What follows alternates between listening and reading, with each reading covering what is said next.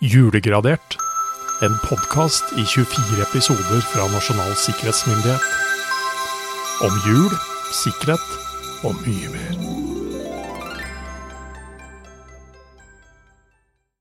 Hei og velkommen til Nasjonal sikkerhetsmyndighets eh, julekalender. Nå sitter vi her da, Jørgen. Vi gjør det. Ja, Det var godt å komme fram til eh, julestudio igjen. Vi skal sitte her hver eneste dag fram til jul. Ja. Klarer vi det, tror du? Ja, det må vi. Ja. Så ja. Vi kan, vi kan ikke gi oss halvveis, liksom. Nei, det, nei. det, det, det, det blir dårlig julekalender. Ja, det. Nei, vi får bare Vi får holde strikken stram. Ja. Men du, vi, vi er litt skuffa over oss, egentlig. altså. For det kan se ut her som vi ikke var særlig flinke til å rydde etter oss fra i fjor.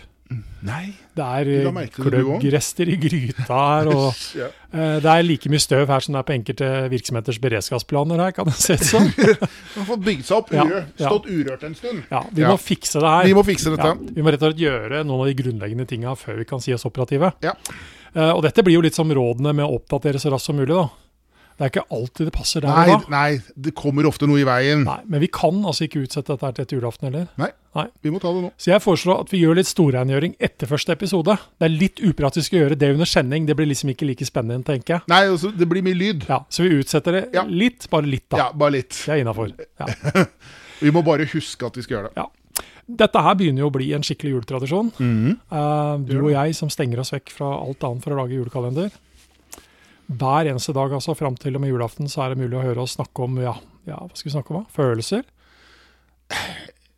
Julefeeling? Ja, ja, det, kan, det kan vi godt. Jeg er ikke redd for å gjøre det. Men Nei.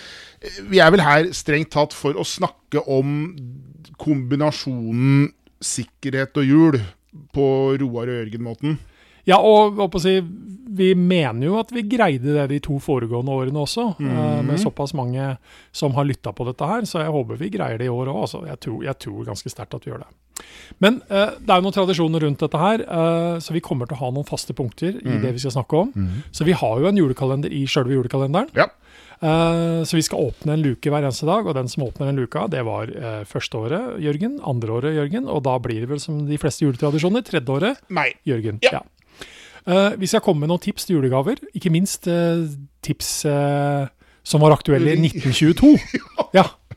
Eh, og det er, noen, det er noen greier her på at noe av det er fortsatt kanskje like aktuelt. Ja. Ja. Noe av det fins faktisk fortsatt. Yep.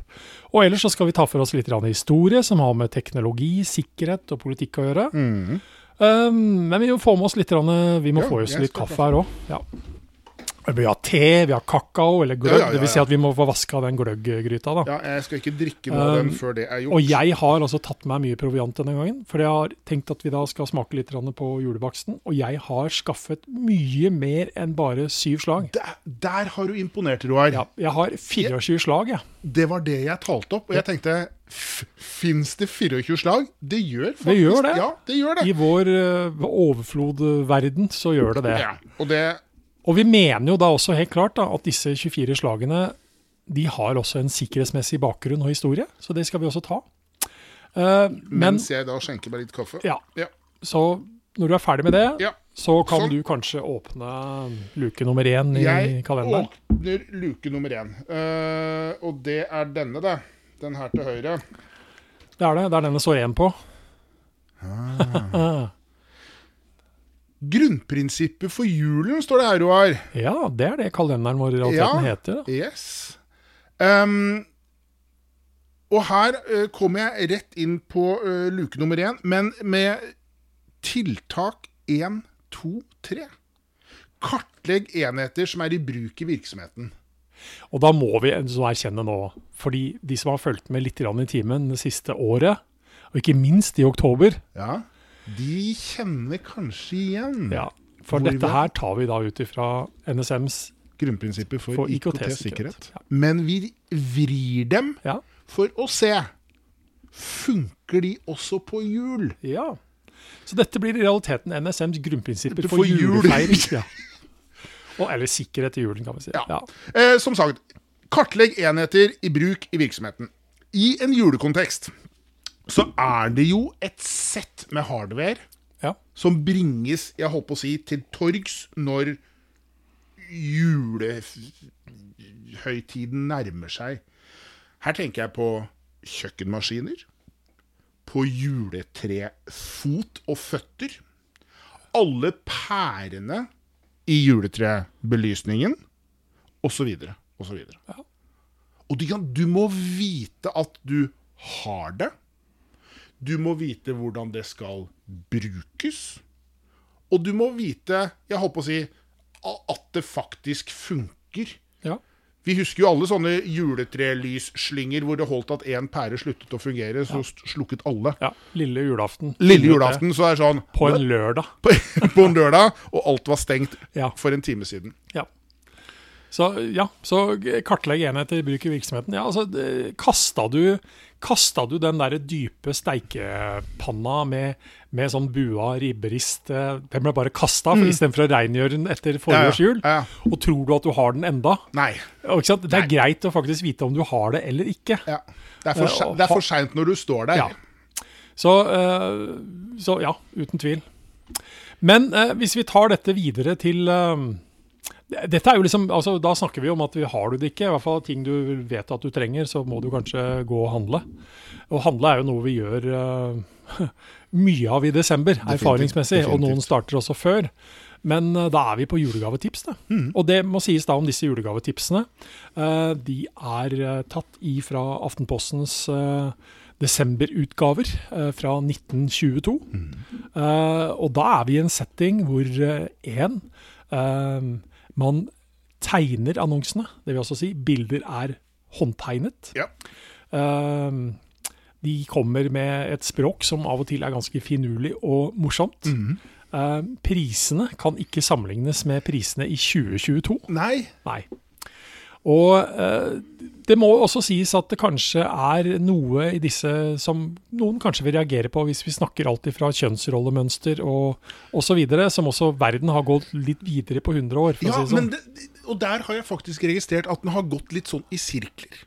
Ja. Eh, jeg kommer tilbake til Ja, det litt senere uti her, men eh, jeg har gjort meg noen refleksjoner. Men eh, første julegavetips, da. eh, det er jo noe som jeg syns er ganske relevant. Det er eh, Parker Pen Duofold. Aristokraten brant fylle, fyllepenne. Ja. Eh, den beste penn for hver og seg. Eh, og altså det, det er jo fascinerende, fordi Fra Halvorsen og Larsen. Fra Halvorsen og Larsen. Fra Halvorsen og Larsen. Eh, og vi har jo hatt en gjennomgående greie i forhold til å snakke litt om at uh, det innimellom faktisk kan være lurt og smart å skrive ned passord med penn og papir. Så hvorfor ikke ha en flott fyllepenn? Fyllepenn. Gjøre det litt høytidelig når du sånn lager disse aristo- unike passordene, da. Aristokratisk nedskrevet på penn og papir. Ja, nei, men det, det, det, det slo meg også at jeg hadde en Som guttunge så hadde jeg en uh, bok om sånn hemmelige triks og tips. Og der husker jeg vi lærte å skrive hemmelige meldinger med fruktsaft. Som ble Man dyppet en Wow. ja, ja, Man dyppet en uh, fyrstikk i fruktsaft, og så skrev man på et ark, og så var det helt usynlig inntil man varmet uh, arket opp i eh, stekeovnen.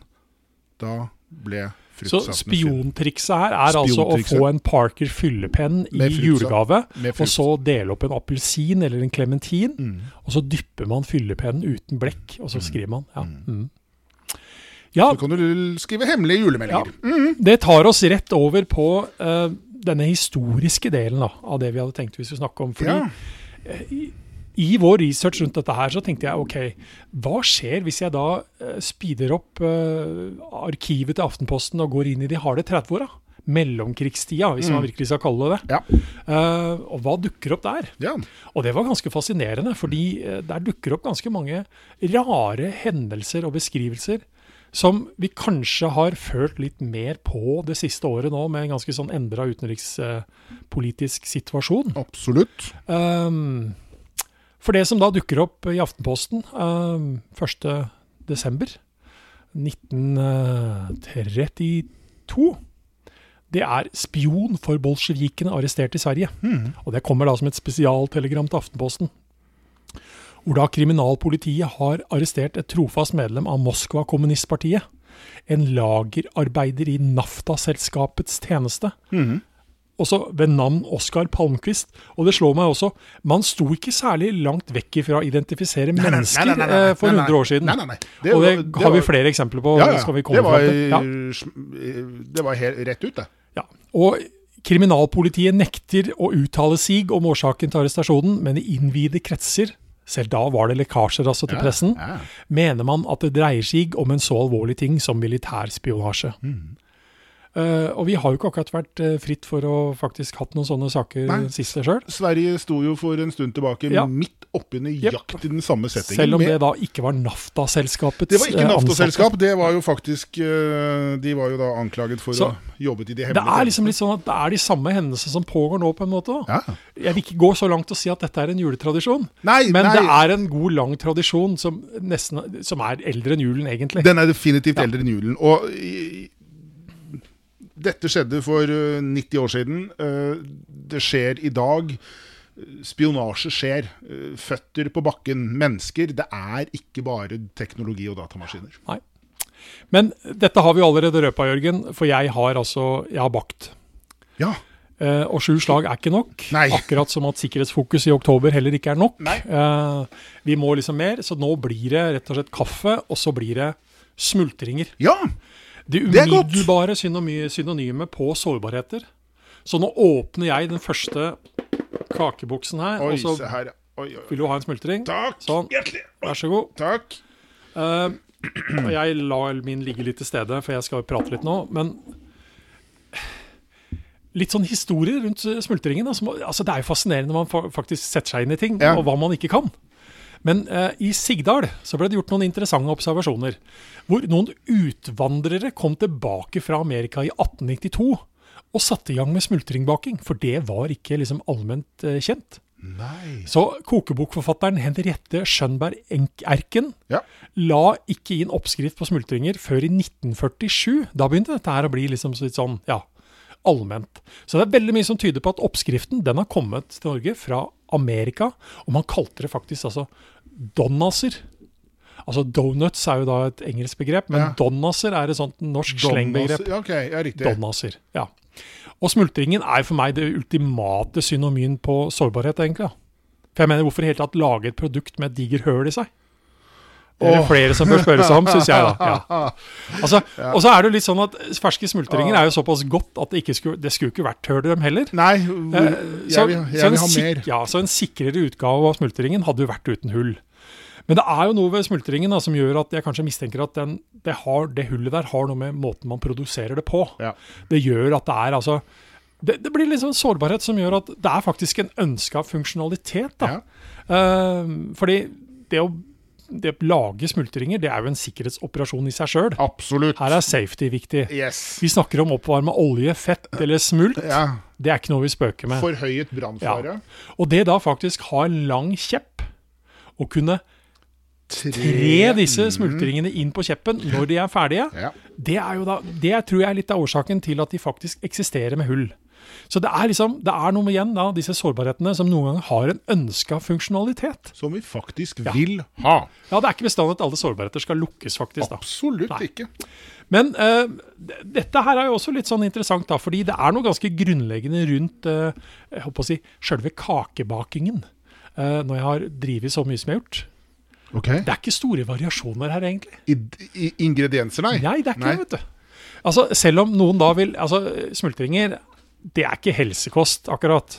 Nei. Nei. eh, For Det er smultringer er for består av det. følgende sukker, egg, rømme, kremfløte, smør, kardemomme, hornsalt, bakepulver, mel, og til slutt smult til steking. Ja. Ja. Er det rart det smaker godt? Nei, det, du, du, kan så si. Uh, men vi kommer tilbake til at disse ingrediensene er ganske grunnleggende. Mm. Og det er jo også mye av sikkerhetsarbeidet òg. Variasjoner over et tema. Ja, jepp, Mm. det er det. Så vi skal, nå skal jeg spise min smultring. Ja. Det blir min første smultring i år. Så, Så der, ja. med og uten hull mm. så skal jeg få i meg den, og så drikker vi litt kaffe. Og så må vi faktisk bare kaste oss rundt, og så må vi få redda og støvsugd og ordna litt her. Vasket ut av den kjelen. Ja, ikke minst. Oh. Og så kommer vi tilbake i morgen med en ny eh, julekalenderepisode. Det vi. Det gjør vi. Vi Fram med støvfilla, Jørgen. Ja, og oppvaskkosten. Yes. Hei. Vi setter i gang. Hei.